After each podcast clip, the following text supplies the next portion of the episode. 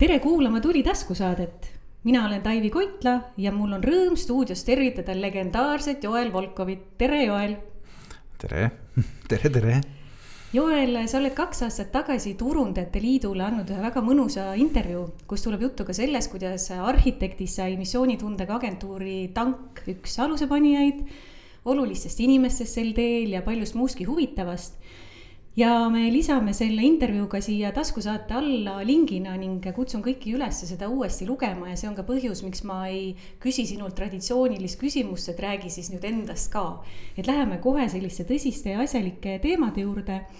ehk siis selle juurde, kuidas sina oma erakordselt pika ja sisuka reklaamivaldkonna eluga oled loonud valdkonnale oluliselt laiemat väärtust kui, kui lihtsalt agentuuri juhtida ja, ja hakkame siis pihta, eks, et äh, sa oled olnud mitme olulise organisatsiooni üks alusepanijaid ja löönud ka muul moel kaasa. ja võtame need sünnilood juppideks lahti, et meie järelkasvul oleks ka ülevaade sellest olulisest ajaloost, mis on toimunud ja, ja, ja kuidas ja kellega koos see on kõik aset leidnud.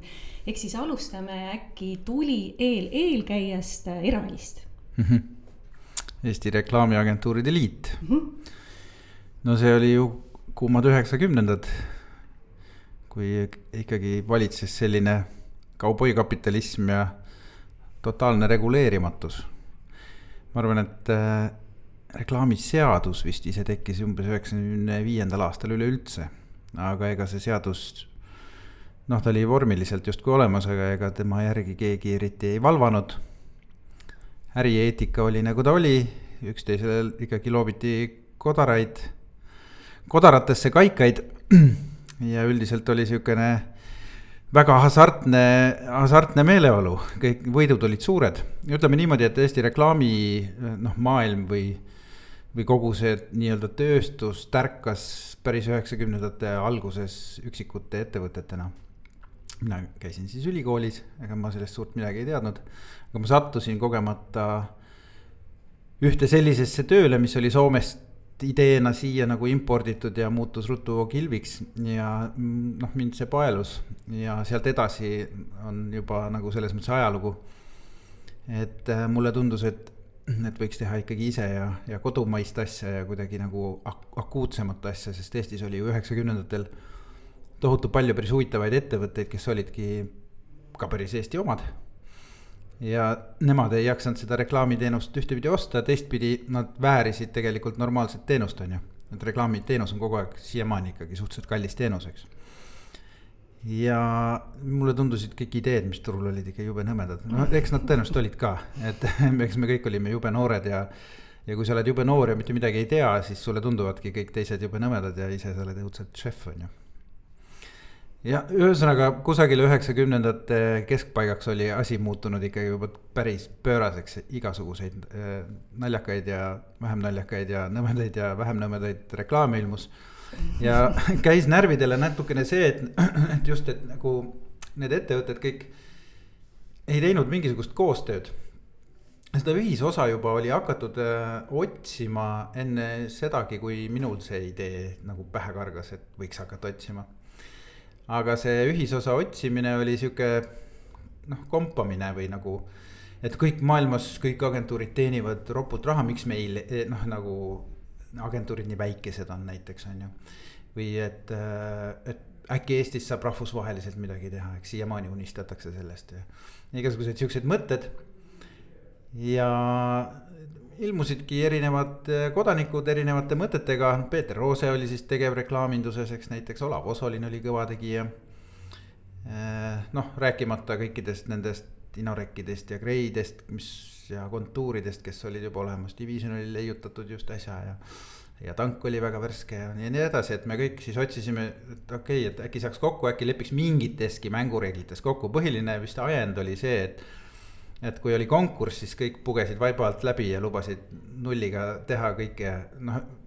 ja tegelikult nagu seda kvaliteeti ei vaadanud mitte keegi, et lepime vähemalt nagu ühes asjas kokku, et me konkurssidest tasuta osa ei võta või midagi umbes sihuke. ja teine asi oli, mida taheti teha, oli siis nii-öelda see äh, mõõdu võtmine kreatiivsuses, et kes siis kõige ägedamaid asju teeb, sest et äh, üksi ennast hinnata on natuke nadi, et äkki siis kollektiivselt kuidagi ja enne oli toimunud ka mingi kuldse naela konkurss vist, ma ei mäleta, kes seda seal kõik siis ajasid ja korraldasid, igatahes ma arvan, et Peeter Oose oli kuidagi osaline. aga seal oli veel kindlasti nagu osapooli, kes seda ajasid, aga see kukkus kolinal läbi või sealt ei võetud nagu väga osa või ühesõnaga, see ei olnud nagu väga edukas ja mõtlesime, et kui me nüüd loome organisatsiooni, äkki me siis saame kaks kärbest ühe hoobiga, et suudame kokku leppida mängureeglites natukene, vähemalt mingites baasreeglites ja teine asi, et äkki me suudame siis äh, ühe korraliku känni väärilise reklaamikonkurssi teha. ja no edasi siiamaani me selle kõigega pusime, eks ju, et noh, Kuldmuna on nüüd tänaseks see aasta või järgmine aasta saab kakskümmend viis minu mhm. teada ja Eralist on saanud vahepeal Etkal ja Etkalist oot, oot, oot, vahepeal tuli. ära nüüd torma ette, et, et räägime korraks sellest Äh, sellest Erailist veel, et äh, kas need eelmainitud isikud, Roose ja Osolin, äh, kolmekesi siis tegite või mis seal veel oli? Roose kadus ära aga asemele tuli hoopis Reinaas Marek, kes on nüüd poliitikasse kadunud. ja siis Rain Teimann muidugi mõista mm -hmm. ja mhm. seal oli veel, veel inimesi, keda kõiki ma mul on nii halb nimede mälu, et ma kõiki, Madis Laas oli näiteks Creative Unionist või noh, toona kontuurist mm ja veel episoodilisi tegelasi, seda juhatust ka valiti, eks ju, iga aasta. aga mul õnnestus kuidagi üsna pikalt seal kuidagi siukse ase, asedirektorina asepresidendina nagu venitada, algus oli Osolin, pärast oli Reinas. mulle hästi sobib, mulle endale ei meeldi sihuke rinna ette toppimine kuhugi esireas, et, et ma sealt tagantpoolt siis sudisin natukene. aga väga, väga vahva oli selles mõttes, et äh, korra kuus saime kusagil restoranis kokku, sõime hea lõuna ja arutasime väga tähtsa näoga väga tähtsaid asju, aga tegelikult tegime ka kodutööd päris kõvasti ja. ja see ja, ja kolmas point, mis sealt välja kasvas, oli see, et, et seaduse asjus, kuna see seadus hakkas üha rohkem mõjutama meie tegevust. noh, mis iganes, hakati, noh, seadus on alati poliitikute lemmikmänguasi, et äh, hakati sinna ühte ja teist tahtma sisse viia, mida seal alguses ei olnud, noh, ma ei tea, alkoholireklaamist lõpetades tubaka ja kõige sellega, et üheksakümnendatel oli kõik lubatud, et mingeid piiranguid ei olnud eriti, välja arvatud see, et mõnitada ei tohi ja. solvata ei tohi ja viha ei tohi külvata, aga noh, sisuliselt nagu Sex, drugs and rock n roll. Sex, drugs and rock n roll, drugs oli ka keelatud vist, aga, aga mitte nii jõhkralt, kui ta võib-olla praegu on, eks mm. -hmm. ja no rock n roll, see muidugi, see peab olema. aga kaua siis Eral äh, oli ja miks tuli Edgar? Eral oli tegelikult päris kaua, aga mis on nagu probleem sihukestel organisatsioonidel või liitudel on see, et äh, kui on liiga vähe liikmeid, siis tekib sihuke somnambuulne seis või mhm. siukene mm -hmm. kõik tunnevad kõiki ja keegi ei ole nõus kusagil järgi andma ja, ja, ja selja taga räägitakse ühte ja näo ees teist, et ei ole sihukest nagu vaba õhku või ruumi üldse hingata, et kõik on väikses toas koos. ma ei mäleta, kolmeteistkümnekesi, palju meid agentuure üldse oli, kes seal liikmed olid siis mõned päris okeid agentuurid kindlasti ei astu liikmeks, sellepärast et neile põhimõtteliselt ei sobi teistega koos olla. ja siis nad küsivad, aga mis ma sellest saan, on ju, aga mida sa annad, eh no mis ma saan ja, ja, ja see asi seisis ja ühel hetkel tekkis hoopis uus, uued nähtused tekkisid turule, üks oli meediaagentuurid, mis mm -hmm. tekkisid üheksakümnendate lõpus vaikselt millest keegi ei arvanud suurt midagi, et mis hulgimüüjad on ju. Äh, ja siis tekkis teine nähtus, mida nimetati batuudipumpajateks, mis on siis üritusturundusagentuurid. Sügavat auku kaevad praegu. Ei no nii oli, mina, mina äh, lihtsalt kommenteerin ajaloolist seda mälu. Aga, aga nii meediaagentuuridest kui ka üritusturundusagentuuridest on kasvanud võimsad ettevõtted tegelikult, kes mm -hmm. tegelevad, noh, meediaagentuurid liigutavad ju enamust raha Eesti turundusmaastikul ja. üritused on ka kasvanud ikkagi väga suurteks rahvusvahelisteks äh, asjadeks, väga professionaalselt korraldatud mm -hmm. ja äh, batuudi pumpamisest on asi ikka väga kaugel mm, -hmm. on ju, mhm. aga toona noh, see oli, kellel oli kõlar, oligi nagu ürituskorraldaja on ju. ja, ja seal tekkis mõte, mina enam siis seal juhatuses ja ka kusagil ei figureerinud, aga aga tekkis mõte pärast pikka-pikka sihukest täielikku vaikust, mis Eralis oli olnud, et äkki peaks laiendama seda ampluaad. ja, ja siis tekkiski, ETKAL on lühend Eesti Turunduskommunikatsiooni Agentuuride Liit, eks. et, et kui me laiendame selle nime, et äkki siis tulevad need ka liikmeks ja mõned tulidki ja mm -hmm. disainiagentuurid olid ka vahepeal tekkinud, mida ei olnud tegelikult varasemalt on ju, et reklaamiagentuurid katsid kõik asjad ära. Aga ühel hetkel lihtsalt diversifitseerus kogu see asi nii mm palju, et äh, oli vaja seda skoopi laiendada ja siis muudeti organisatsiooni põhikirja ja muudeti ka seda nii-öelda staatust. kas sisuliselt ka midagi muutus? sisuliselt tekkis lihtsalt ütleme kaks korda rohkem liikmeid mm, -hmm. aga mis juhtus sisuliselt oli see, et kui enne oli see suhteliselt homogeenne väike rühm, siis nüüd oli kolm homogeenset väikest rühma ühes organisatsioonis, kes kõik ikkagi pusisid omaette ja ei saanud aru, mida nad täpselt nagu seal teevad, on ju.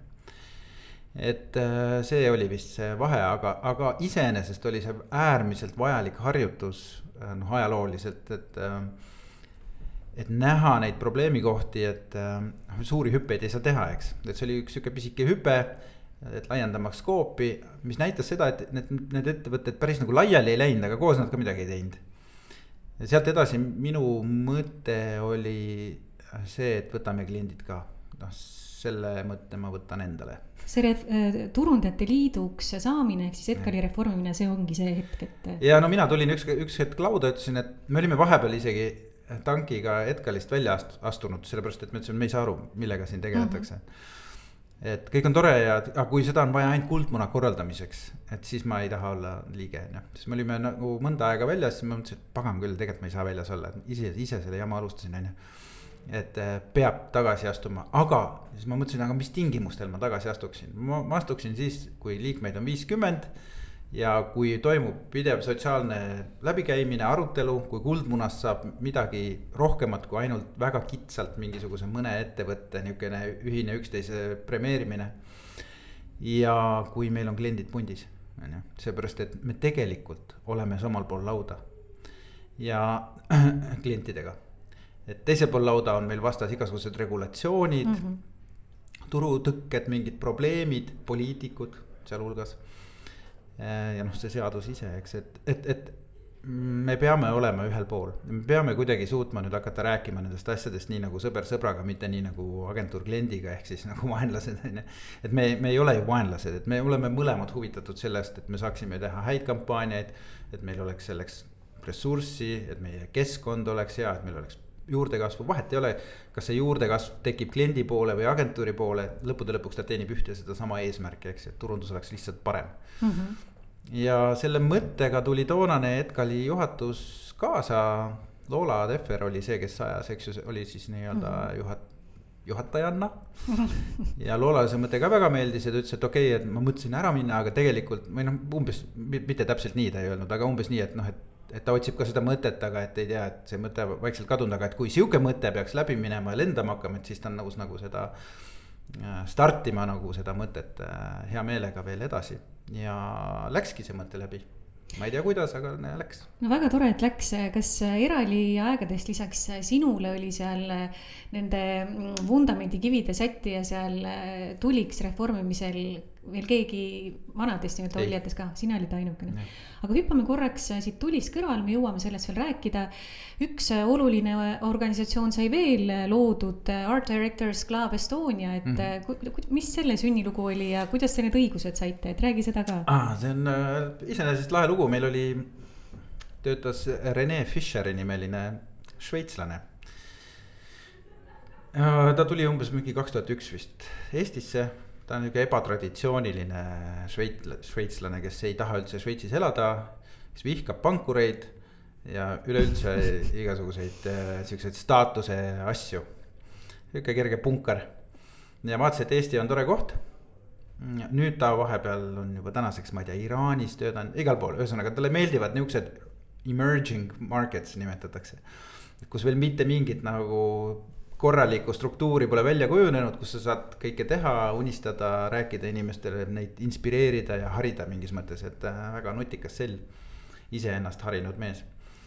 ja ta istus meil kontoris, tuli loovjuhiks, aga ega ta loovjuht nagu ei ole, et ta on rohkem nagu ajakirjaniku tüüpi, sihuke reporteri mees. siis ta hakkas meil mingit blogi pidama ja noh, mingisuguseid imeasju tegema, mida Eestis mitte keegi ei teinud.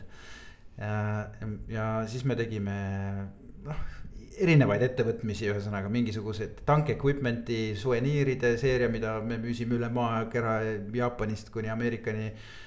mida nimetasime absolutely terribly useful stuff ehk siis ma ei tea, tõrva papist tehtud äh, lõhnakuused ja mingid äh, suicide pillsid on ju et noh, sihuke huumori asi mm. -hmm. ja ühel hetkel mõtlesime, et no iga, igav on, meil oli kogu aeg jälle noh, selles mõttes igav, et kuigi tööd oli palju. mäletan, et me ju ka kasvasime hästi kiiresti, aga mm, -hmm. aga noh, tahaks, et oleks nagu fun ka.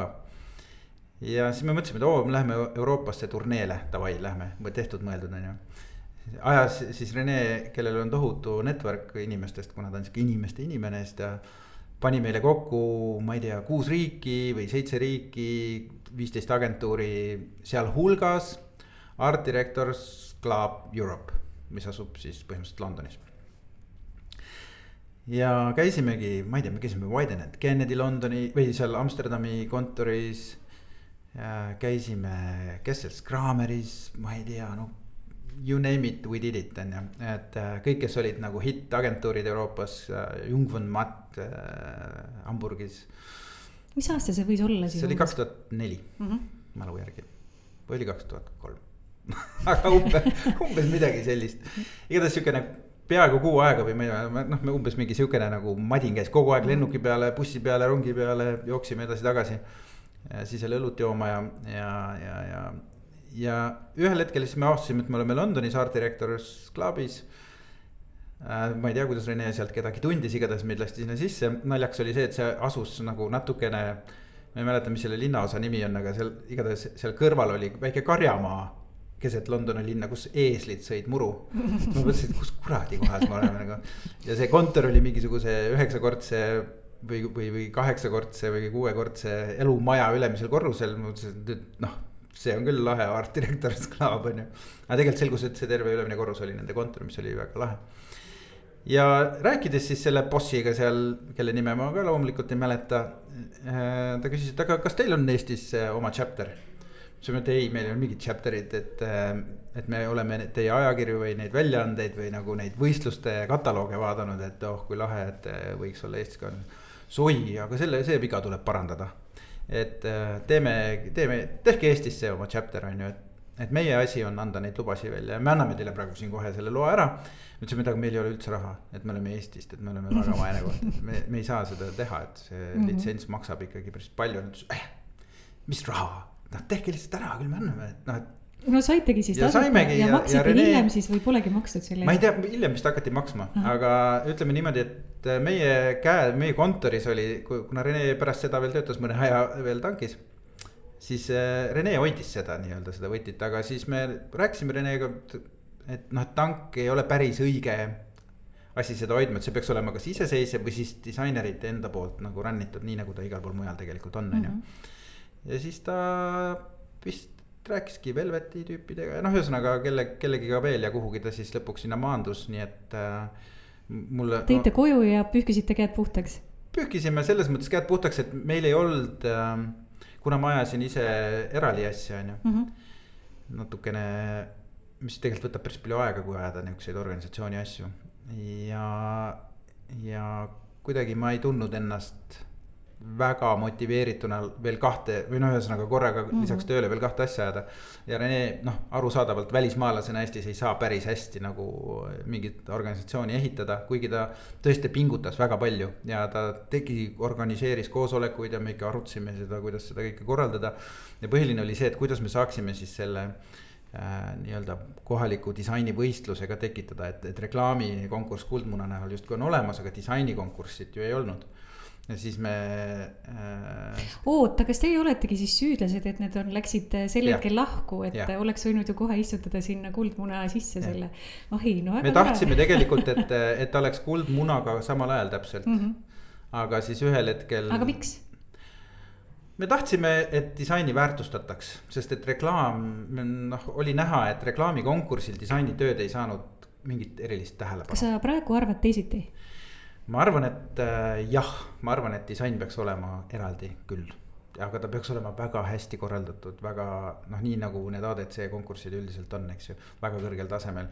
et sellisel kujul nagu Eestis täna nagu suhteliselt, ma ei tea, ma, ma tegin kindlasti liiga, on ju, aga mulle tundub, et natukene nagu natukene nagu vähe tähelepanu või kuidagi nagu ma ei oska isegi öelda, mis see omadussõna on, see ei ole isegi vähe tähelepanu, ma arvan, et kõik inimesed tahavad head, noh, alustame sellest, on ju. Kõik tahavad hästi teha, aga, aga kuidagi kinnine või, või kuidagi umbne on see tunne selle konkursiga seoses, ma ei oskagi seda kommenteerida, miks mul see tunne on, aga kõrvalt vaadates.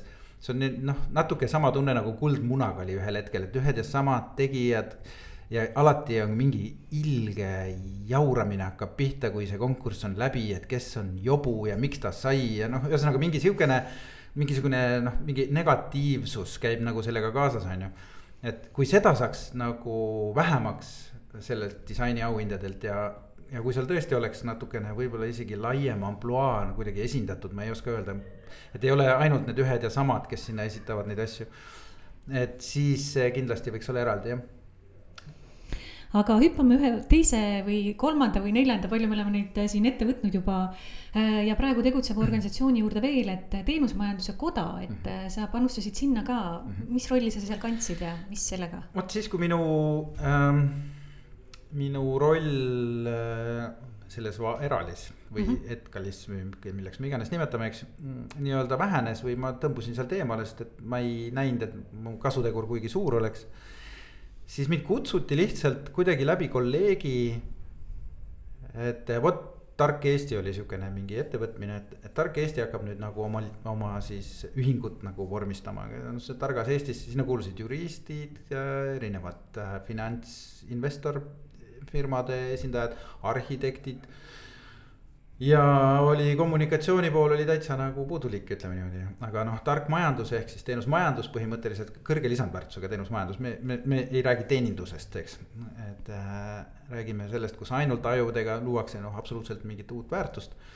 siis äh, see pool, ah noh, seal olid veel IT-ettevõtted, igas hästi palju osapooli, väga huvitavaid tegelasi oli, mulle õudselt meeldis, no selles mõttes, et nagu. ma nägin seda energiat, mida ma olin oodanud nagu eralist nagu vahepeal on ju nägin seal, et ja noh, tõesti väga nimekad ja vahvad äh, tegelased, äh, ma ei tea, Allar Jõksist kuni. kuni Viljar Arakani, noh ja sealt edasi noh. Helmeste, ma ei tea, noh, ühesõnaga nagu vau wow,, noh, minu jaoks oli see ikka. Nagu mingite suurte poiste laua taha oleks sattunud, on ju, ja neid liikmeid oli seal tõesti seinast seina. Mõnda ma tundsin varasemalt natuke, enamust ei tundnud absoluutselt. Ja siis äh, öeldi, et vot tahame sihukest liitu teha või nagu äh, koda noh, nii-öelda. ja mulle rääkisime need põhimõtted läbi, mina ütlesin, et mina tahan ka suuremat pilti vaadata, et, et ma. üks asi on ekspordivõimekuse kasvatamine üldiselt, eks ju, aga selleks, et seda kasvatada, peab üldiselt oma maa ära sööma, et meil üldse mingi sihuke võimekus on, on ju.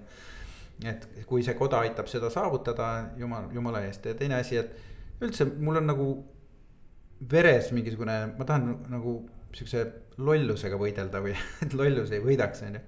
Mulle meeldis see attitude seal ka, et kui siuksed nagu nutikad tüübid on kohal, on ju, kõik on konsultandid omamoodi, üks ühte ja teine teist, teistmoodi. et kõik mõtlevad nagu hästi loovalt äh, nagu laiemalt, kuidas siis seda, seda isemõtlemist või mingit loovust nagu propageerida et äh,. sina hakus... siis aitasid sellel. ma olin kaasasutaja siis, noh, nii-öelda oligi see tuumik. üks liimijatest siis seal justkui. jah, jah, mhm. jah, noh jah. ja praegu oled liige seal tangiga. ja oleme liige mm, -hmm. koda ise on natukene võib-olla tema kõige aktiivsemad periood oli tema esimesed viis aastat, on ju mm. -hmm. ja tegelikult päris palju asju sai äh, ütleme, nähtamatuid asju sai tehtud, eks ju, seal oli terve rida igasuguseid asju nagu mingi välismaalaste seadused, ma ei tea, noh, igasugused asjad mm -hmm. hakkasid ühel hetkel meie käest läbi käima. ja meid hakati kutsuma peaministri juurde, presidendi juurde, eks ju, iga aasta vähemalt korra käid läbi siis mingitesse komisjonidesse äh, rääkisime kaasa MTA koodide mingid arendusse, üldse Eesti riigi statistikasse, võimalikesse seadustesse, mis puudutavad just konsultatsiooni business'it ja maksustamist ja kõike seda et see oli väga huvitav sisuline töö nagu ülikoolis oleks käinud mm, -hmm. ütleme siukene.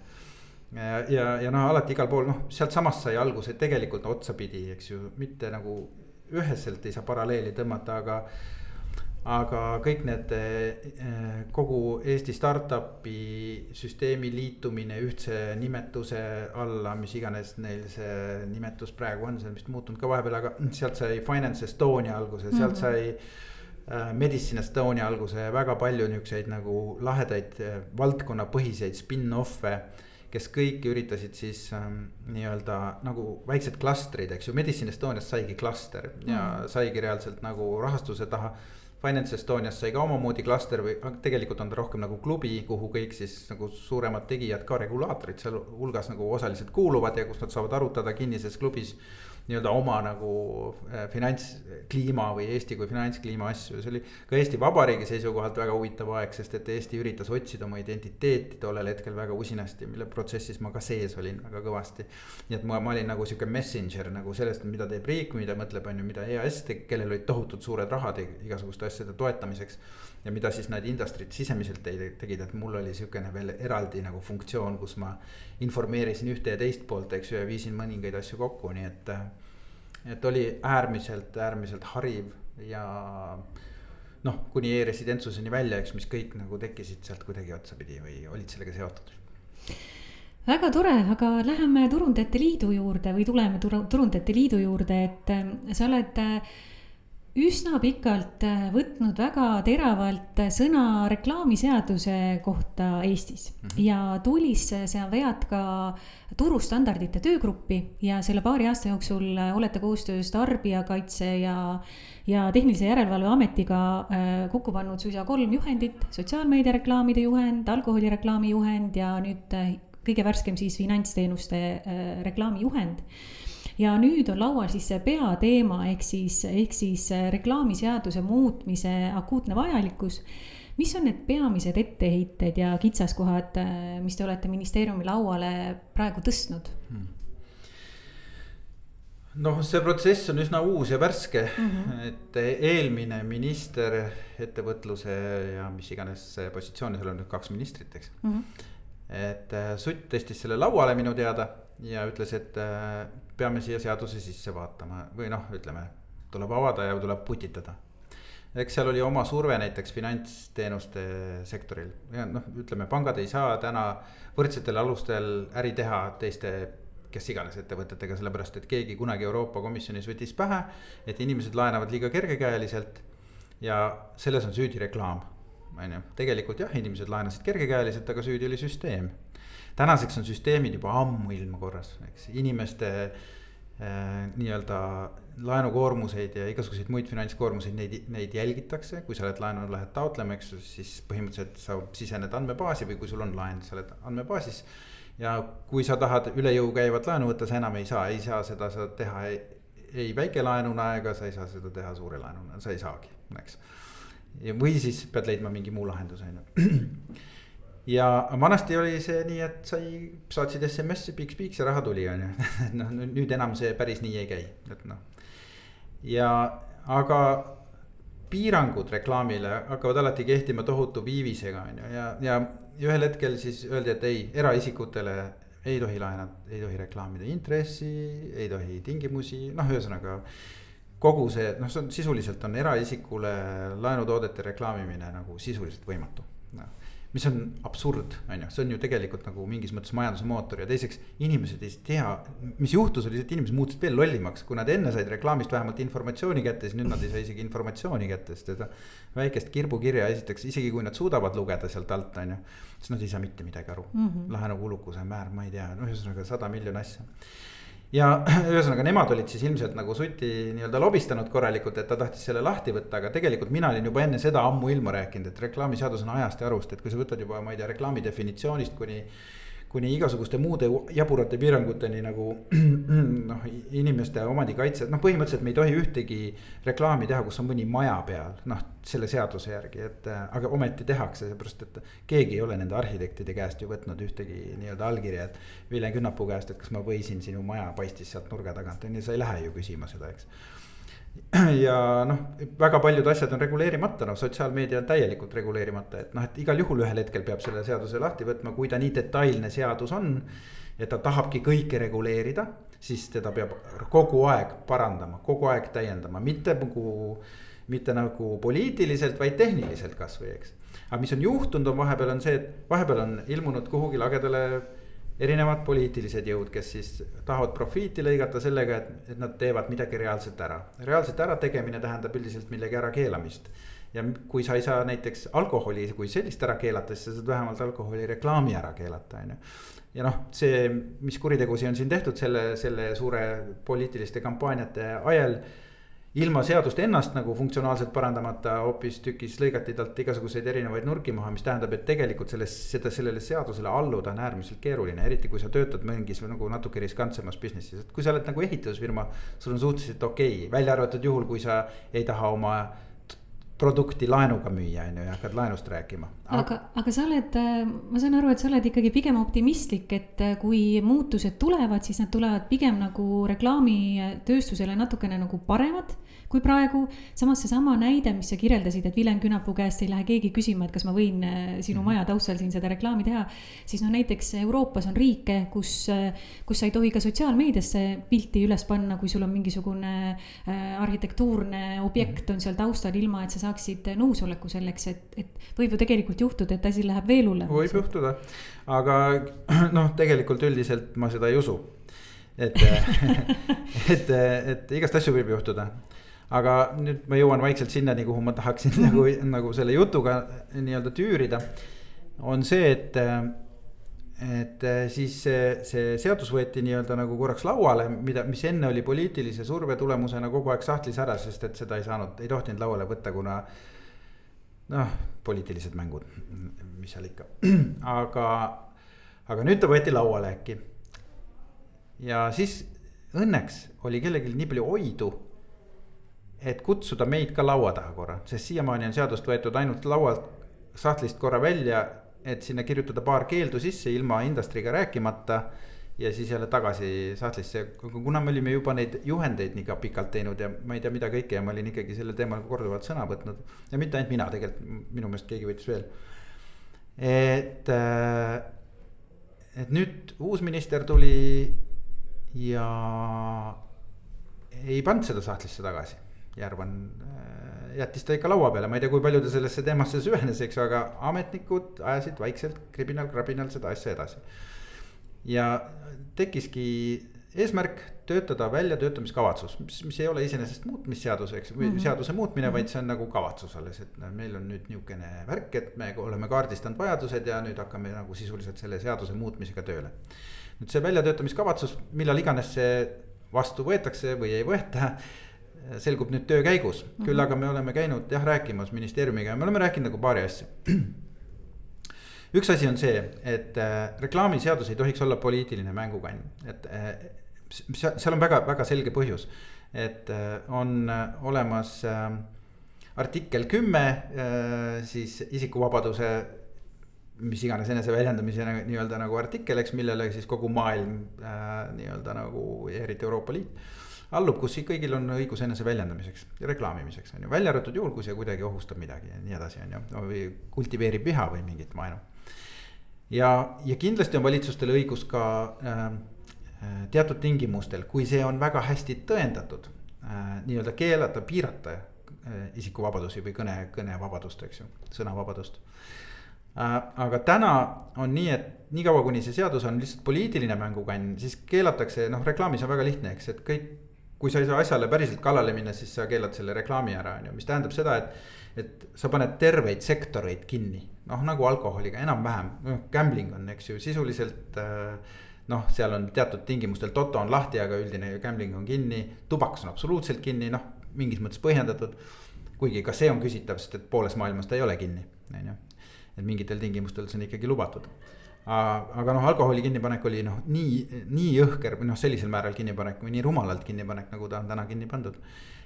oli nii jõhker, et äh, noh, kadus ära kogu sponsorlustegevus, eks ju.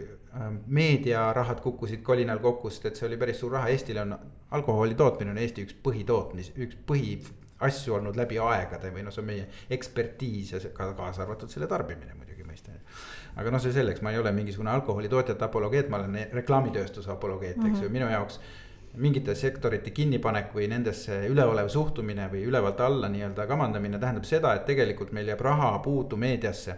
mis tähendab, et meediate paljusus kannatab, mis tähendab, et by default noh, nii-öelda, nii-öelda teooria ja ka praktika ütleb, et meediate paljusus on demokraatia üks alustalasid, eks ju, et kui ei ole sõna, siis tegelikult kaob ära ka demokraatia, inimesed muutuvad manipuleeritavamaks ja Eesti puhul on see eriti ohtlik, sellepärast et eestlasi on nii vähe.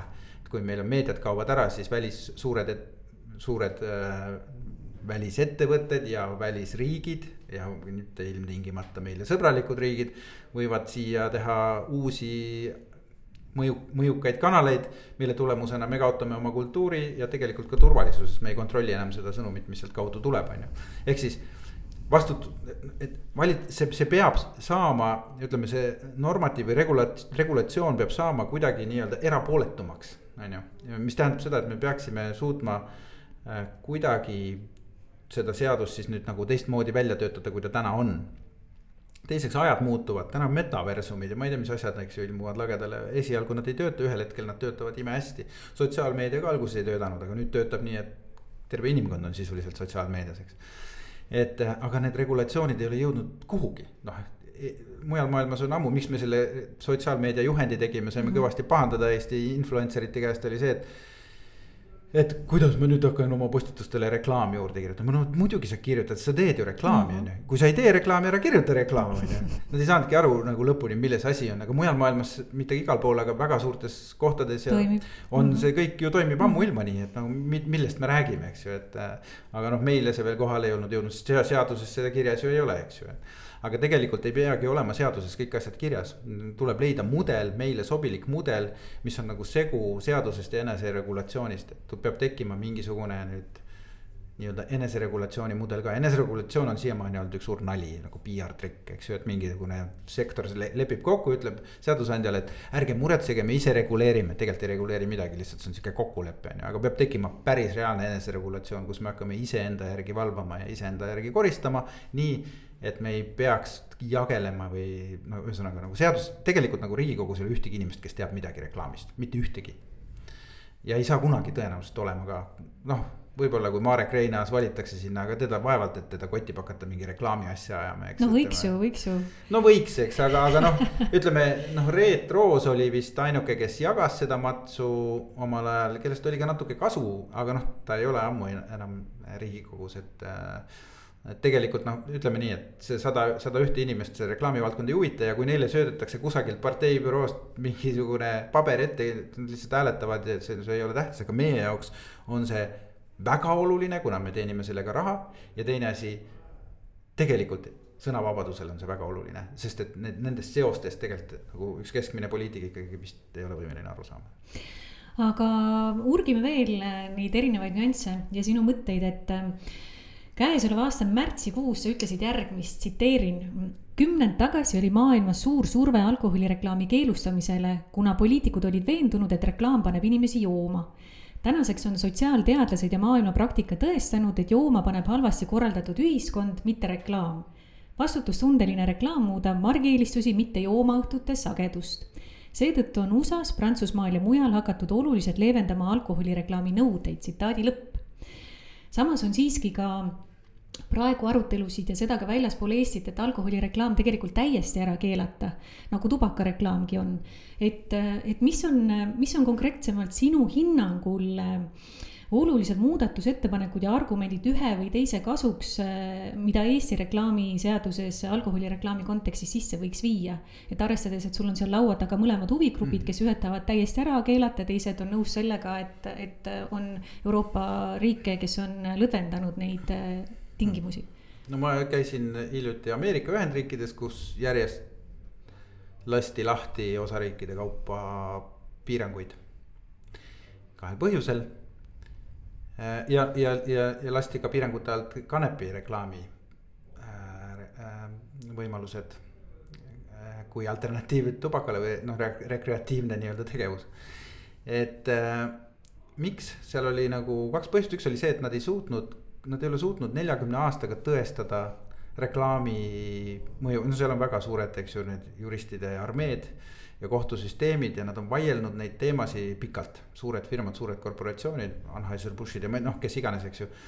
seal kogu aeg siis maadlevad omavahel ja nad ei ole suutnud tõestada mitte ühegi asja kaudu, et reklaamimäär või reklaami näitamine tõstaks alkohoolikute nagu baasi või arvu, et, et inimesed muutuksid alkohoolikuks seetõttu, et nad näevad reklaami.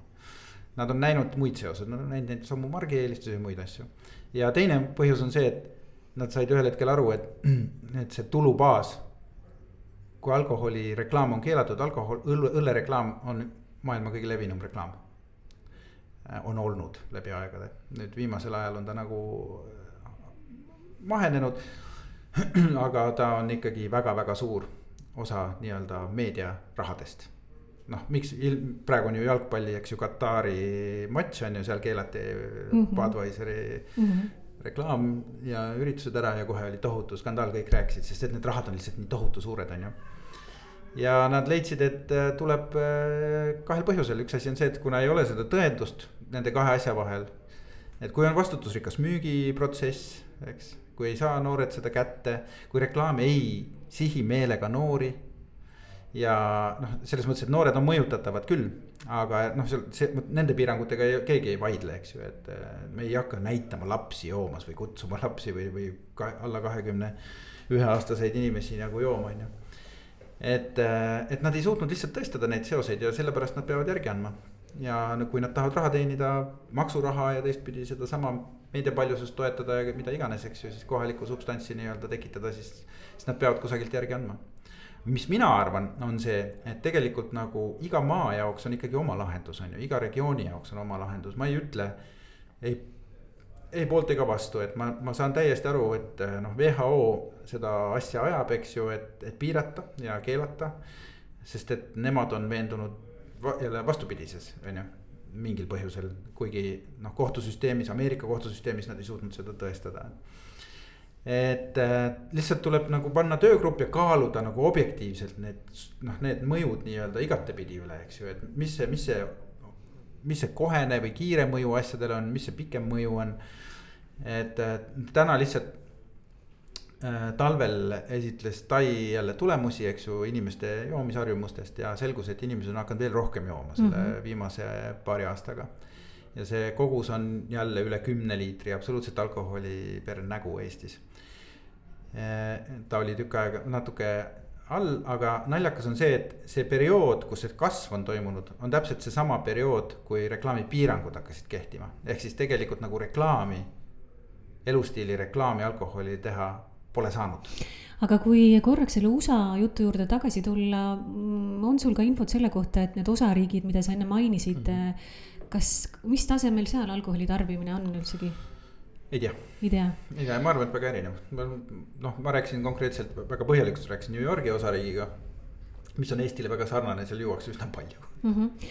aga noh, sa mainisid just, et, et Tervise Arengu Instituut avalikustas värsked andmed, noh, on jälle hakatud Eestis rohkem jooma, noh, eks Covid ja kogu see vaimne no, kriis ja kõik aitas sellele kaasa. noh, seda küll kahjuks ja, ja kui veel numbritest rääkida, et siis Tervise Arengu Instituudi lehelt leiab viite ühele artiklile, kus on siis kirjas, et uuriti aastatel tuhat üheksasada üheksakümmend kuni kaks tuhat kuusteist sada üheksakümmend viit riiki kus siis tuvastati, et alkoholi tõttu nii haigused, surmad kui ka vägivaldsed teod äh, sureb aastas äh, umbes kolm miljonit inimest mm -hmm. igal aastal ja, ja, ja ka seda, et ei suudetud nende andmete põhjal tõestada seda, et mingigi kogus alkoholi oleks tervisele mitte väga kahjulik ehk siis igasugune kogus alkoholi on väga kahjulik. ja sa enne mainisid ka seda või täpsemalt mina mainisin sinu varasemat tsitaati, et, et et poliitikute arvates paneb reklaam inimesi jooma, aga sina arvad, et on viga halvasti korraldatud ühiskonnas. et milline siis on sinu meelest see halvasti korraldatud ühiskond ja kas sul on ka mingisugune mõte, mis need tõhusad meetmed siis oleksid, kui alkoholireklaamil on ainult sinu meelest mõju sellele, et marki vahetatakse, aga see sellist nagu joomise hulka otseselt ei suurenda noh, on terve rida ühiskondi, kus alkoholi tarbimine on norm, noh, nii-öelda igapäevane tegevus, ütleme Prantsusmaa, Šveits. aga räägime Eesti, Eesti näitel. Eesti näitel, Eestis on joodud kõvasti nagu kogu aeg, niikaua kuni eestlane üldse ennast mäletab, on ta kas mõdu joonud, eks ju, kui ta mõdu enam ei joonud, siis pani kartuliviina. Et äh, see joomine on olnud siin, tõenäoliselt on see ka nagu mingisugune vene pärand, eks, aga no, aga see on ikkagi um, väga tugevalt osa meie nii-öelda eneseteadvusest või meie. Äh, ma ei oska öelda lõõgastumisest mingisugusel moel on ju, et, et äh, ei ole ühtegi kirjandusteost tõesti õigusest alustades, lõpetades mis iganes moodsate tegelastega, kus seda napsi võetakse, et, et ju see on meil veres somehow on ju, et. mis tähendab seda, et et kui ta on tuhandeid aastaid meid saatnud, siis nagu reklaam on ju noh, kui vana, Eesti Vabariigis reklaam on umbes üheksakümnendast aastast, eks noh, esimese vabariigi ajal ka reklaamiti midagi, aga noh, see ei olnud arvestatav võrreldes selle määraga, mida tänavu, täna, täna tehakse. aga, aga no see ei ole reklaam, mis on inimesi sedavõrra jooma pannud, et see peab olema seotud kas klimaatiliste või iseloomust tulenevate eripäradega, eks. aga on terve rida ka maid, noh, ma ütlen, et näiteks Austria. Saksamaa, Šveits äh,, Prantsusmaa, noh, kõik, kus juuakse kogu aeg, on ju, aga, aga neid nii-öelda. Neil on nagu ühiskond natukene sallivam mingis mõttes, noh, sõltub äh, sellest, kus piirkonnas täpselt oled, kindlasti on ebasallivaid kohti ka äh,. elatuskvaliteet on natukene parem kuigi Eesti tuleb mürinal kogu aeg lähemale, eks ju, sellele, sellele levelile väärtustatakse perekonda võib-olla rohkem kui meil, meil on hästi individualistlik, aga seal ütleme. ei käi sihukest nagu pidevat madistamist, mingi, mingit mammona, mingit juttu kuigi seda on ka väga palju ja loetakse üksteise raha ka kindlasti, aga sihukest nagu kadedust või sihukest, sihukest, sihukest kinnisust nagu on vähem ja, ja see joomine nagu ei kujune probleemiks, et kui inimesed joovad ühe pokaali või kaks äh, lõunatoidu kõrvale, siis, siis keegi ei vaata sellele kuidagi imelikult, on ju, ja tänu sellele kuidagi, kuidagi see asi sujub äh, elukorraldus palju paremini, eks. oota, aga meil ju juba kisub siin erinevates ringkondades, et juuaks pudel veini äh, toidukorra kõrvale, et aga see ongi oskamatus või kultuuritus, on ju, et. aga kuidas siis seda saaks parandada, et okei okay,, jätame reklaamid kõrvale ja kui ühiskond on kehvasti äh, juhitud, nagu sa enne mainisid, mis on poliitikute kapsaaeda, ah, mis, mis, mis, mis siis Eesti kontekstis nad saaksid ära teha, et et see noh, reklaami ärakeelamine või piirangute seadmine, see on nagu selline kõige lihtsam viis. jah, no see on Nii. kõige lihtsam viis ongi no, ära keelata asju. aga on sul ideid ka konstruktiivseid kuidas, kuidas parandada, kui mul oleks tõenäoliselt, ma oleks riigikogus või ma ei tea, sotsiaalminister on ju. no varsti äkki. et ei, ei, ei kindlasti mitte, aga aga noh, ma ei oska sulle seda ühe, see ei ole ühtne ravi, ma tean seda, et nendes piirkondades, kuhu, kuhu äh, on rajatud näiteks äh, sportimise võimalusi, kunagi oli, ma mäletan jällegi, see on üheksakümnendatest vist. Eh, kus hakati nii-öelda rajama siukseid väikseid korvpalliplatse ja mingisuguseid niukseid metsa, esimesi nagu tervisespordiradu ja mingisuguseid selliseid asju. ja sinna, kuhu neid rajati, ütleme tekkis mingisugune täiesti uus energia, mingisugune uus liikumine, mitte et kõike saaks rahvaspordiga ravida, aga tekkis uued võimalused täna, kus põhiliselt juuakse, ega see probleem ei ole meil tsiviliseeritud siin Tallinna kusagil südalinnal, võib-olla siin joovad noh elus pettunud äh, keskealised inimesed. ei, oota, ma tahan kohe sekkuda, on äh, hiljutisi uuringuid, mis tegelikult näitavad, et selline nii-öelda binge drinking on äh, rohkem äh, selline keskklass pluss teemaks saanud ja, ja ka väga spordihimuliste inimeste oma ja, ja väidetavalt äh, mul ei tule nüüd meelde ja kus, kus ma lugesin seda uuringut, ma saan selle hiljem täpsustada, aga sealt käis läbi selline nüanss, et et, et kui sa oled nagu edukas inimene super hea töökoht, tore perekond, teed sporti iga päev, käid spordiklubis või käid jooksmas maratone, siis sa seda, selle võrra rohkem lubad endale alkoholi, et sa tunned, et ahah, et täna ma tegin nii palju trenni mm, -hmm. nüüd ma lähen koju, joon näiteks kolm pokaali väga head veini mm. -hmm. ja siis see, siis see saabki harjumuseks ja igal õhtul siis seda muudkui teed. aga seal ka justkui nagu kõrvalt vaadates kõik on nagu korras, et noh, et väga edukad inimesed, sissetulek on kõrge, sporti teevad aktiivselt, aga alkoholi tarbimine ka aina kasvab. no aga kas see alkoholi tarbimine sellisel juhul, kui üldse mingeid probleeme ei ole, kas see on probleem? aga see ju võib saada probleemiks, kui sa iga päev aastate kaupa noh. võib saada, aga nagu noh, ma arvan, et on päris palju inimesi, kes elavad Prantsusmaal väga kõrgesse vanusesse, joovad iga päev kasvõi pudeliveini on ju, et noh, et ma, ma, ma, ma ei, ma ei, ma ei saa aru, et, et noh, probleem peab olema kuidagi defineeritav mingi hälbena. noh, selles mm. mõttes, et kui sa jood, samas sa spordid, samas kõik on korras.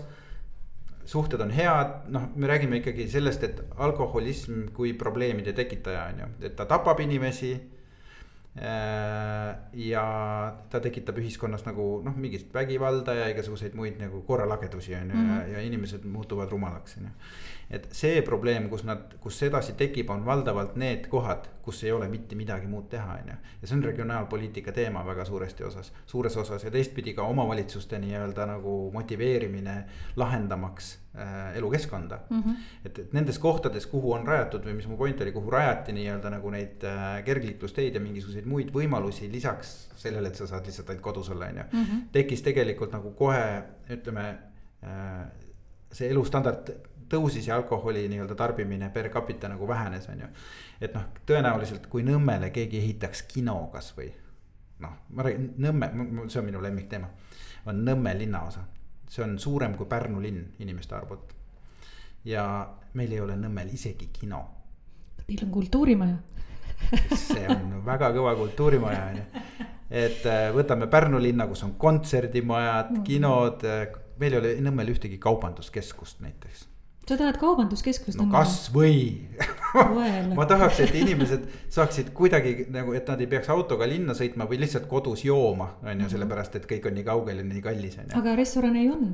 no muisurestoran või siis on Villapaju on ka ju. jah, no kui ühe korra käid, siis oled rahast ilma. midagi on seal Vaksali sektoris ka, sõõriku kohvik on ka. sõõriku kohvik, jah, no mõtle Pärnu-sugusele linnale, noh, see varustus panna, et. et noh, kui me räägime nagu inimeste elukvaliteedist, et nende vajalike teenuste või mis iganes meelelahutusvormide või eneseteostamisvormide nii-öelda toomine lähemale äh, ja inimlähedasemaks, laskmaks inimestel teha kasvõi kohvikuid oma hoovi või mida iganes, on ju see kõik juba tegelikult nagu tervendab ühiskonda mm. -hmm. et Nõmme on väga eeskujulik näide, Nõmmel juuakse väga palju. sisuliselt kõik minu tuttavad joovad liiga palju, on ju. lihtsalt puhtalt sellepärast, et ja kesklinnas jälle mitte nii väga, sellepärast et kesklinnas on sul kultuur, sealsamas sa jalutad sinna kuhugi mingile kohta. okei okay,, sa võtad selle ühe õlle, aga see ei kategoriseeru joomarluseks on ju seal kontserdil, aga sa jalutad jälle ilusti tagasi. aga kui see on Nõmmel mõtled, et sa pead minema kesklinna kontserdile, eriti siukse talvise koleda ilmaga, on ju. siis sa parem lööd käega ja võtad veinipudeli lahti, vahid telekat, on ju, et see on lihtsama vastupanu teed minek. aga Nõmme on isegi tore ja jumala linna lähedal, on ju, aga mõtleme nüüd nagu minu teise kodu Mahu küla peale, kus ei ole üheteistkümne kilomeetri raadiuses isegi mitte poodi. rääkimata sellest, et sul oleks seal mõni naaber ja kui sa seal juhuslikult siis kükitad näiteks nädal aega seal oma toas on ju siis lõpuks sa lihtsalt jood ennast segi. noh, sul ei olegi mitte midagi teha, kaks korda käid metsas, siis käid koeraga jalutamas iga hommik natuke korra on ju ja kogu moos ja, ja kogu su elu, kogu su sotsiaalne sfäär tegelikult sellega piirdub. mõtle, kui jube, kui sul veel naaber satub olema mingi tige koll, kellega sa ei saa ka üldse või noh, üle noh, naaber tähendab siis kahe või kilomeetri pärast keegi on ju. et sa ei saagi isegi talle külla minna või talle noh, juttu minna puhuma on ju, et noh, sa näpid seda internetti ja timmid napsi noh Mm -hmm. et aga neid kohti kahetsusväärselt on väga-väga-väga-väga-väga palju, on ju. ja tihtipeale seal ei ole isegi internetti, sest et Eesti internetiseerituse tase on ikkagi üsna. on kehv, tuleb nõustuda. aga vaatame seda alkoholi äh,, alkoholireklaami piiranguid veidi teise nurga pealt ka et ähm, kas ja kui palju sinu arvates kohaliku alkoholi äh, reklaami äh, piiramine seadusandlikul kujul Äh, tegelikult ka mõju avaldab äh, ja, ja nüüd ma jõuan siis selle selgituseni, mis ma siin mõtlen. et äh, praegu on meil ligipääs globaalsele infoväljale ja, ja kui me kasvõi teeme lahti sotsiaalmeedia siis on ju väga palju rahvusvaheliselt tuntud näitlejaid, modelle, kellel on oma alkoholibränd, kes oma kontol oma brändi seal tutvustavad, reklaamivad. ja sellel on ligipääs kõigil inimestel, kes tahavad, olenemata vanusest, olenemata kellaajast, millal nad seda vaatavad.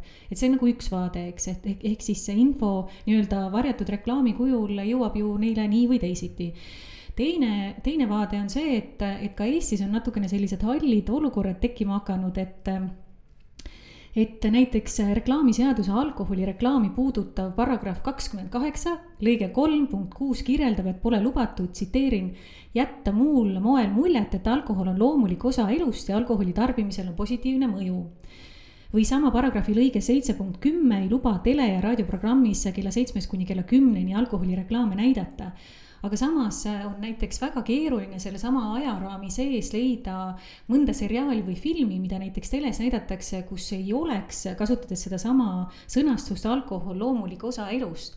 et, et väga paljudel on triviaalses olukorras, kas on veinipokaal käes või mingi kokteil käes ja see on väga selline kuidagi nagu norm ja mida, mida siis saab teha, et, et sa ei, sa ju ei keela rahvusvahelisi filme ja seriaale ära, eks, ja teine vaade on see, et on hakanud tekkima ka sellesama mainitud ajaraami sees äh, erinevaid meelelahutussaateid, kus, kus siis otsesaates või siis varem salvestatud saates, kas õpetatakse mingeid kokteile tegema või soovitatakse ühte rüübet teisele.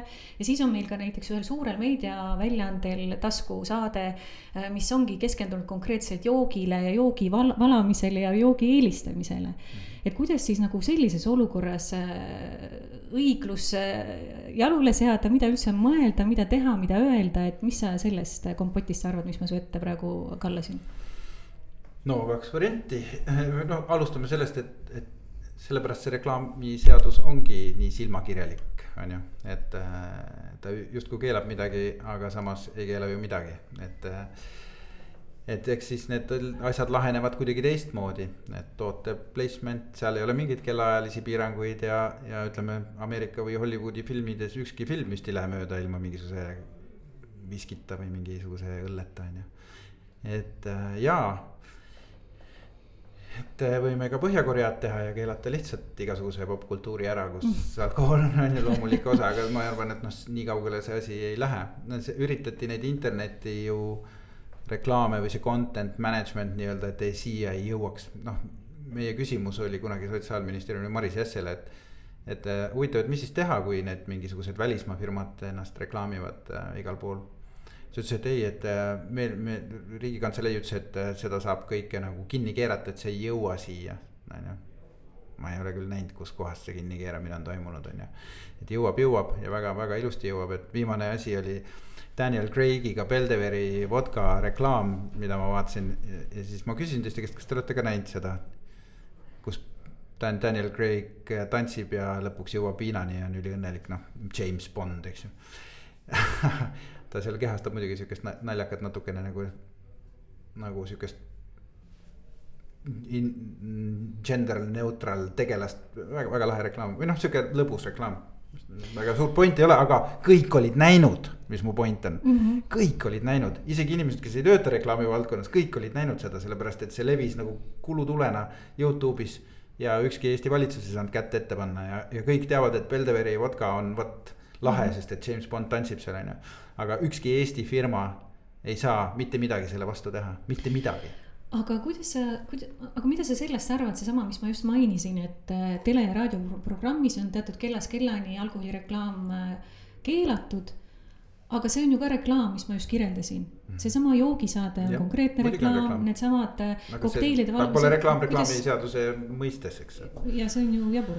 no ta on toote placement seal selle kohta ei ütle, selle kohta on meediaseaduses midagi, aga seal see ei käsitle alkoholi aga muudame kurssi, et, et ma saan aru, et reklaamiseaduse muutmine on nüüd võetud tihkelt ette ja enne ükski minister minema ei saa, kui see asi saab lõpuks ellu viidud, et. et hoiame siis pöialt ja kõik turundajate liidu liikmed. ja ma tahan veel kord öelda, et, et siit saatest jääb mulje, et see nõudne alkoholi eest võitlemine ei ole üldse, tegelikult on küsimus selles, et meie tahame, et meil oleks kõige moodsam nii-öelda reklaamiregulatsioon me väärime seda, me oleme nii väike riik, me saame seda endale lubada, on ju. et me vaatame praegu maailma praktikasse, vaatame, kuidas Inglismaal on korraldatud asjad, kuidas Ameerikas on korraldatud, kuidas äh, Prantsusmaal. ja üritame nii-öelda siis tuli äh,, kuna tuli kuulub sellesse rahvusvahelisse, mis iganes reklaamijate liitu, eks ju. assotsiatsiooni, siis me saame sellele teabele väga palju lihtsamini ligi, mida me enne ei saanud mm. -hmm ja me saame selle teabe baasil nii-öelda sünteesida kõige sobilikuma süsteemi endale, meil peab lihtsalt olema partneriks nagu tark riik, kes tahab meiega dialoogi omada mm., praegu mulle tundub, et meil on selline riik hetkel jälle. et me saame korra nagu seda dialoogi pidada ja vaatame, kuhu see edasi viib, on ju. ja, ja tõesti unistus oleks see, et Eesti seadus oleks selline, mida siis nagu noh, mingid suured arenenud riigid saaksid ette võtta, öelda, et voh, kuidas nemad said nii hästi korraldada, et me tahaks ka samamoodi, on ju. väga tore, kõlab hästi. muudame nüüd veidi kurssi ka, et sa oled varem öelnud, et sina poliitreklaami ei tee. kas see on jätkuvalt nii ja miks? jah, see on jätkuvalt nii, sest et poliitreklaam ei ole reklaam reklaamiseaduse mõistes, vaid on propaganda ja me ei ole propagandabüroo tankist ka veidi, et tank on tänaseks äh, juba kakskümmend seitse aastat tegutsenud, eks. et äh, palju teil tankiste või tankereid, kuidas teid nimetada, seal kokku on? kuidas teil läks Covidi ajal, mm, kuidas teil läheb praegu ja kas on lähiajal ka mingisuguseid suuremaid uuendusi, arenguid, muudatusi äh, ees seismas? no tankis minu andmetel on umbes kakskümmend kaks inimest. aga noh, koostöövõrgustik on muidugi noh, suurem, eks, et ega kõike siis palgale ei peeta Äh, meie enda võib-olla areng on olnud just digitaalsel suunal päris okei okay viimastel aastatel, me oleme võitnud ka kaks korda mingil müstilisel põhjusel digiagentuuri mm -hmm. tiitli. aasta digiagentuuri tiitli, mis on olnud meile väga suur rõõm, sellepärast et äh, me oleme olnud digitaalsed väga kaua, aga me ei ole endale aru andnud, nüüd me oleme võib-olla seda asja hakanud, noh ütleme niimoodi, et, et kui üldse digitaalne reklaam välja ilmus, me hakkasime seda tegema ja oleme päris palju igast asju teinud, aga me kogu aeg oleme arvanud, et see on tavaline reklaam, aga nüüd selgub, et, et see on lausa eraldi kategooria. et me seda ei karda ja me vaikselt areneme, mis Covidisse puudutas, siis Covid oli, see ehmatas ära, ma arvan, see ehmatas kõiki ära mm. -hmm. ja mina olin ainuke, kes käis kõik kogu aja tööl. kontoris. jah, ja mõni, mõnikord olin ma kuu aega järjest üksi tööl, sellepärast et mitte keegi teine ei tulnud ja siis me tegime videoülekandeid aga ma ei suutnud seal kodus olla, ma lihtsalt, ma ei jäänud Covidisse ka ja ma siiamaani ei ole Covidis olnud. Ja no võib-olla kunagi tuleb, aga ei ole ette näha, mul kõik ümberringi on olnud. Kodus ja igal pool tööl. ja ma lihtsalt mõtlesin, et no mida ma seal kodus passin. Ja siis ma olin kontoris üksi ja siis mõtlesin suuri mõtteid tühjas toas. ja see tegelikult viis meid ju selleni, et me kolisime ühel hetkel hoopis uude kohta, mis oli meile väga tore oleme Veetorni tänavas väikses lossis, eks juba poolteist aastat mm. -hmm. ja see mõjus meile ülihästi, et äh, kogu see niisugune asukoha vahetus, et äh, ma mäletasin, et see toimib hästi, aga et see nii hästi toimib, et kuidagi tekib täitsa uus hingamine ja. ja meil on seal natuke sopilisem see elu, ei ole suur avatud kontor, nii et äh, on nagu, nagu enda ruumi ja sihukest nagu mõtlemiskohta ja sa saad väiksema seltskonnaga kuhugi eraldada ja. Covidist me tulime suure suure hurraaga välja, me võtsime kõigepealt palgad maha, aga siis tagantjärgi maksime kõik jälle tagasi kõikidele mm. inimestele, et. Et meil ei juhtunud nagu selles mõttes hullu midagi, et me saime me lihtsalt nagu operatiivsed asjad vahetusid pikaajalisemate vastu. et me saime hakata mingeid brändiplatvorme ja mingisuguseid selliseid asju looma sellel ajal, kui selleks oligi aega ja võimalust, on ju, sihukest operatiivset reklaamitegevust ei olnud. ja kuna me oleme noh meie, me, meil on läbi aegade väga tugev olnud nagu disaini nii-öelda pool, ehk siis mina hakkasingi disainibürood tegema ja siiamaani oma arust teen disainibürood, aga õnneks on tulnud ka teisi inimesi, kes teevad väga hästi reklaami osa, on ju. ja, ja nüüd on see digipool ka tulnud, nii et me tegelikult suudame kõik need asjad nagu kuidagi nii-öelda brändingust reklaamini ja kogu digilahendusteni kõikideni katta. kuna meid on vähe, siis me seda nagu mingis tohutus massilises hulgas tegema ei peagi, me saamegi keskenduda põhjalikele sügavatele asjadele, mille üle on hea meel ja meil on väga pikaajalised kliendid olnud läbi aegade. et äh, naljalt alla siukest viieaastast või noh, juba paistab, et kümneaastast suhet nagu noh, ei olegi, et kõik kuidagi. kes tulevad, muutuvad osaks meist ja meie osaks neist ja. ja me otsime kogu aeg seda inimlikku sihukest nagu, nagu, nagu suhet ikkagi mm, -hmm. püsisuhet on ju mis on loomulik, me ei võtagi endale sisse töid, mis on nii, et kuule, viska mingi väike asi, on ju. vahest, vahest oleme proovinud, aga siis me oleme tundnud, et noh, millestki on puudus, et tegelikult ikkagi. ikkagi sihuke sisuline arendus, väikeste sammudega koos käima õppimine, et alguses on raske. siis läheb kergemaks ja pärast on ülikerge või ülilihtne, eks ju, et sa aimad juba teise nii-öelda käike. et äh, ja me ei kasuta seda kunagi nagu ära, et äh, see on ka ilmselt see garantii, miks see see, see suhe nagu saab kesta kaua. strateegilisest vaatest on ka pikaajaline koostöö väga hea, et, et ja, teatakse kuigi, juba, miks ja mida. kuigi. nii, nii teooria ütleb seda või noh, kui ma olen siin kuulanud nagu mingitel hetkedel mind huvitas, kuidas siis maailmas see kliendi ja agentuuri suhe on, et öeldakse, et. et esimene aasta noh õpitakse, teine aasta teenitakse kõige suurem äh, nagu tulemus nagu kahtepidi, et klient saab kõige parema teenuse. ja agentuur saab kõige rohkem raha. Ja siis vaikselt kukub see suhe mingile püsinivoole, mis on nagu noh seal seitsmekümne viie protsendi peal sellest nii-öelda teisest aastast, et kui hästi hoitakse, siis hoitakse seda umbes nii, kuni järgmise mingisuguse noh, vajaduseni kliendi poolt, aga üldiselt on nii, et see teine aasta koostööst on alati kõige kasumlikum mõlemale poolele, on ju. nii et siis edaspidi suhted teil kestavad kaks aastat ja siis ja tegelikult on ikkagi tore, kui on sul sõbrad. Või noh, tegelikult need inimesed muutuvad su sõpradeks mm -hmm. ja mhm. sa juba aimad nende mõtteid, nemad aimavad sinu omasid ja nad oskavad sind õigel hetkel kaasata ja sina oskad neile õiget nagu õige nurga all nagu asju näidata ka. mis sa suurtest konkurssidest arvad, kas te võtate osa üldse nendest või? Äh, ikka võtame aga ega me väga rõõmsa meelega muidugi neist osa ei võta, mhm. on ju. et äh, osadest lihtsalt peab võtma, sa ei saa muud moodi äh,. Sa ei saa muud moodi omale uut klientuuri enam tänapäeval väga hästi. ja me ikka üritame alati sealt kuidagi saada mingisugust noh, kasvõi sümboolsetki kompensatsiooni selle aja eest, et see ei ole võrreldav, me oleme jube põhjalikud, me ei oskagi teha nagu kuidagi pinnapealselt või nagu lihtsalt visata midagi valmis, meil läheb ikka mingisugune neli-viis nädalat selleks, et. see asi kokku panna ja mingisugune meie poolt noh, reeglina viis inimest on hõivatud, on ju sellega, mitte küll sada protsenti ajast, aga väga suure osa ajast, on ju.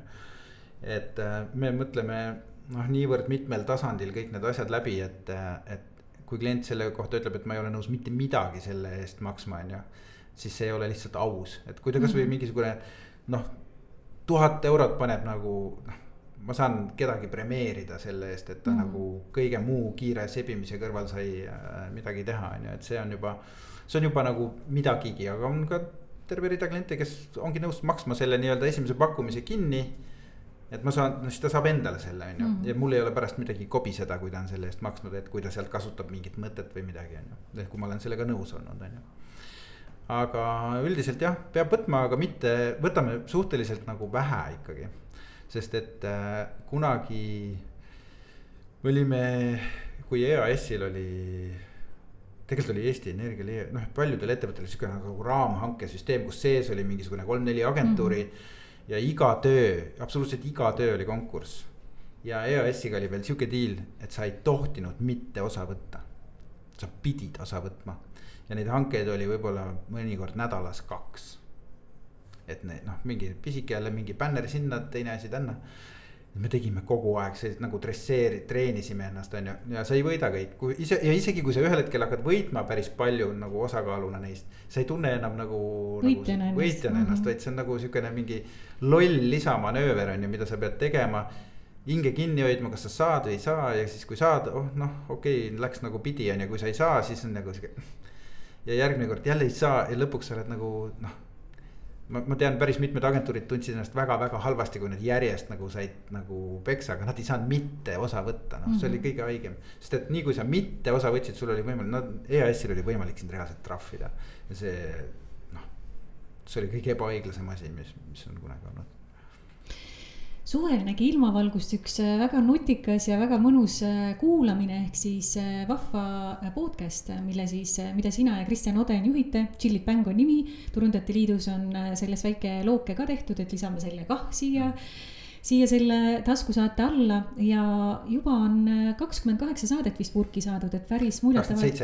ahah mm, -hmm. siis ma lugesin valesti kiiruga äh,. aga no e-, ega see kahekümne kaheksaski kaugel pole. tuleb kohe, ma arvan, et selleks ajaks, kui see meie saade eetris on, on juba. siis on juba kolmkümmend on ju, no väga tore, aga te küsite külaliste käest äh, muuhulgas ka seda, et kas nad äh, reklaame teles vaatavad või kerivad edasi.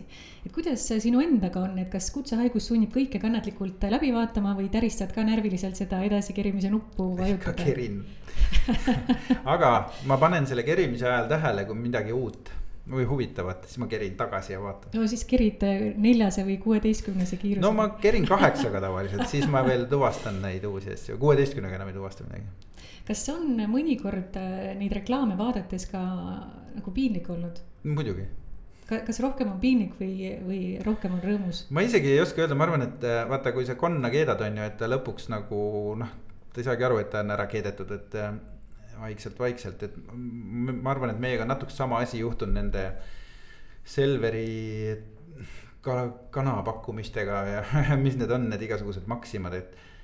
ma ei saa aru, miks prime time'is nagu topitakse mulle mingisugust Ernest, noh näkku. mis on nagu kõige parem aeg, eks ju, rääkimaks mingit lugu või narratiivi, kus ma olen vastuvõtlik veel, eks ju, kus ma ei ole veel nagu uinunud sinna teleka äärde või. Või, või mida iganes, eks ju, et äh, mikspärast ma tõesti ei saa aru ja, ja, ja me kõik käitume, käime mööda maailma ringi, me ei räägi, me ei kurda selle üle, on ju, sest me oleme nii ära harjunud, et see on mm, -hmm. see on, see on, see on, see on minu meelest noh, noh täielik absurd. on palju-palju paremaid kanaleid tänapäeval, eks ju, et ma saan aru, et siis, kui sotsiaalmeediat veel olemas ei olnud ja nii edasi. et äh, ja samal ajal ma saan ka postkasti sellesama asja, eks ju mm, -hmm. ja et noh, see, see devalveerib nagu tele mõistet nagu nii totaalselt, et ma saan aru ka, et, et mujal maailmas on olemas nagu nii-öelda ongi otseturunduskanalid, eks ju, spetsiaalselt selle jaoks, kus on siis räägitakse, vot meil on sihuke kana ja. väga suur ja, ja maksab nii palju ja osta kohe ja helista ju, teleshop on ju. Mhm. et see on jumala fine, kui keegi tahab siukseid asju vaadata, siis spetsiaalselt palun väga, on ju aga meil, sa vaatad mingisugust jumala kvaliteetset filmi ja korraga on sul see Selveri kana jälle seal jalge vahel, noh, sa, no lihtsalt see see on, see on, me peaksime sellest rohkem rääkima ühiskonnana, me peaksime lihtsalt ütlema nagu üheskoos, et see. ei hernele. ei hernele, ei kanale, et see ei ole, see ei ole üldse okei okay,, on ju. ja siis hädaldatakse, et tele-eeter on nii täis noh, telekanalid ise räägivad seda, meediafirmad räägivad, meediavahendajad räägivad seda, kliendid räägivad seda ja siis räägivad, et oi kui kallis see on. kus kuradi kohast ta siis kallis on, kui sul saab seda Ernest reklaamida noh, nihukeses mahus noh Jeesus Kristus, me peaksime kõik käima mööda tänavat ja kisama kõva häälega, et ei, ei. no selge, võtame ette selle piketi ei hernele ja kanale. aga räägime natukene isiklikematel teemadel ka, et sa oled kunagi olnud suur adren-, adrenaliinihunt ja siin langevarjuhüpped ja sukeldumised ja mootorrattad ja mis kõik veel, et kuidas sul täna selle adrenaliini januga lood on mm.? ei, tegelikult ma sain ju viiskümmend talvel ja oh,. ja, ja, ja, ja nüüd noh, sellest on juba nüüd peaaegu aasta möödas. aga aga eh, et ähm, eks see vanus jätab oma mingisuguse jälje, no lumelauaga ma ikka sõidan jah, aga langevarjuga ma kardan, et ma enam ei julgeks hüpata. ei julgeks? jah vaat ma lõpetasin siis ära, kui kaks meest surma sai Eestis, lihtsalt mulle tekkis surmahirm ja see ei ole siiamaani nagu üle läinud, sellepärast et äh, noh, nad. Nad olid vilunud hüppajad ja ju nad siis olid liiga vilunud, et nad olid juba nii enesekindlad, et nad põrkusid kokku, kukkusid alla surnuks. ei olnud Eesti mehed, olid mingid lätlased või venelased või mingisugused, mingisugune ühesõnaga oli sihuke hüppajate suvepäevad on ju. ja siis mul tekkis nagu reaalselt see on tegelikult langevarjuhüpe on fantastiline, kes vähegi nagu mm -hmm. viitsib, võiks proovida, sest et see on midagi nii ägedat sa mitte kuidagi muud moodi teha ei saa. et sa astud Google Maps'i põhimõtteliselt lennukist välja ja siis kukud kolmsada kilti tunnis, et noh, see on niivõrd äh, eriline kaif.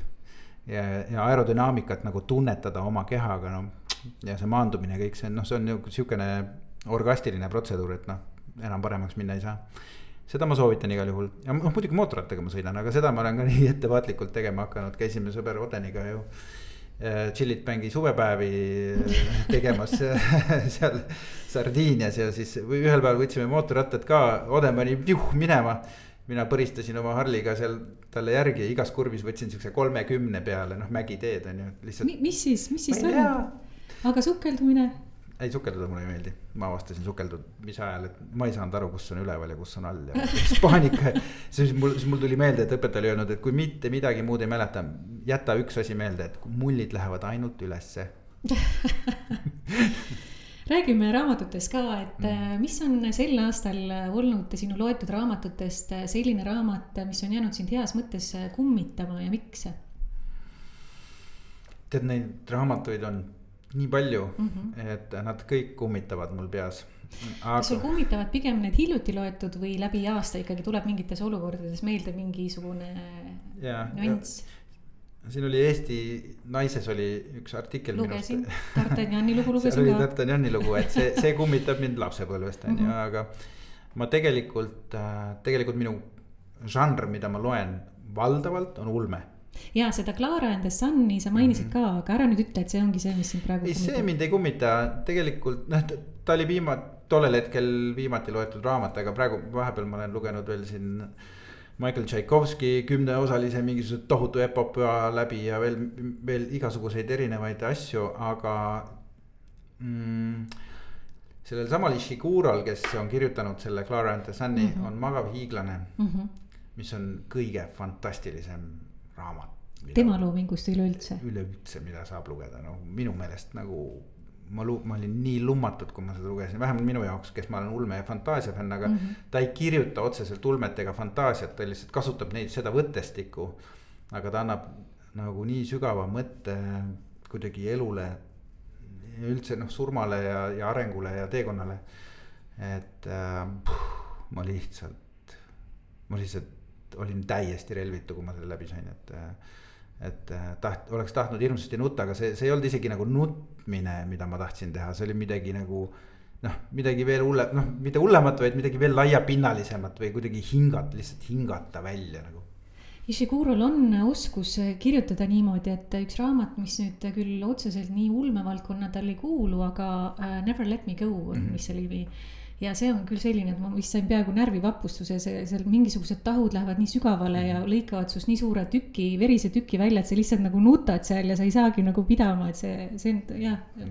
no ta on ju Nobeli. jah, ta on Nobelist jah. jah noh, Murakamit äh, soovitan ka lugeda väga, väga, väga tore, noh, sihuke, ta on nihuke klassikaline, eks ju, Jaapani selles mõttes nagu sihuke kuldlõikeline Jaapani kirjalik, kirjanik, aga Ishiguro tänu sellele, et ta on üles kasvanud Inglismaal mm. -hmm. ta lisab nagu sellele mingi meile arusaadava veel leveli mm -hmm., noh jah.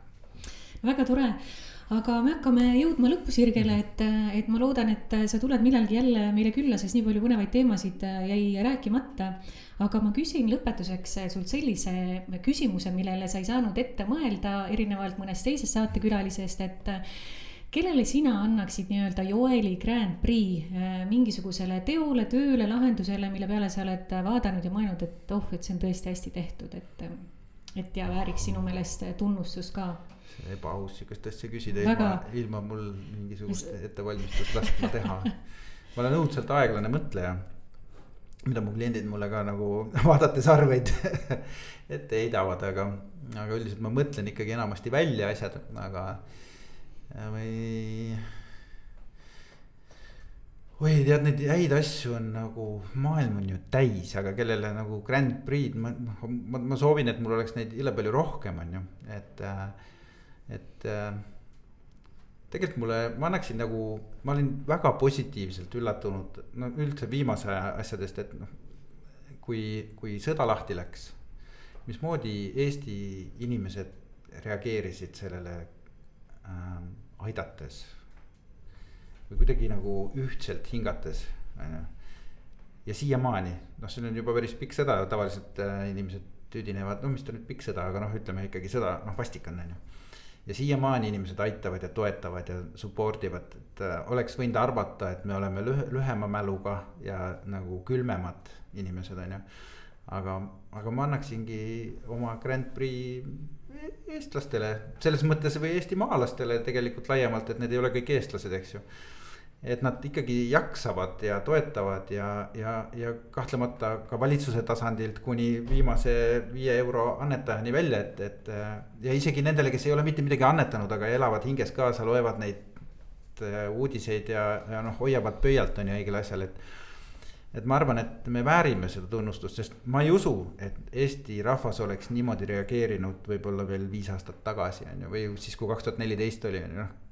keegi ei teinud välja, on ju et äh, kui esimene rünnak oli, võeti terve tohutu tükk riiki lihtsalt anastati ära ja kõik tegid nagu noh, see on nende mure on ju, et nüüd see, mismoodi nüüd on reageeritud, minu meelest on see olnud ilus. ja minu meelest on see ja samal ajal ei ole unustatud nagu ka päris nagu noh, ennast ainult annetama, vaid ka oma asju aetakse koos, et kuidagi et me oleme võimelised nagu nii laiapinnaliseks empaatiaks, et kui on ka vaja vaata mingisuguseid südamehaigeid siin annetada või vähihaigeid. ka nendele leidub, eks ju, kodututele, kõikidele leidub, et see, see annetamis mingisugune kultuur või sihukene. heategevuskultuur on nagu meile hakanud juurduma ja minu meelest see on õudselt tähtis, sest et ära andes me saame palju rohkem kui lihtsalt kogudes selle ilusa sõnumiga ongi hea lõpetada. aitäh, et sa leidsid sel kiirel ajal meie jaoks aega. ja aitäh ka hea kuulaja. täna oli saates külas loovjuht ja reklaamiekspert Joel Volkov. mina olen Taivi Koitla. salvestus toimus viiendal detsembril kahe tuhande kahekümne teisel aastal Worklandi stuudios.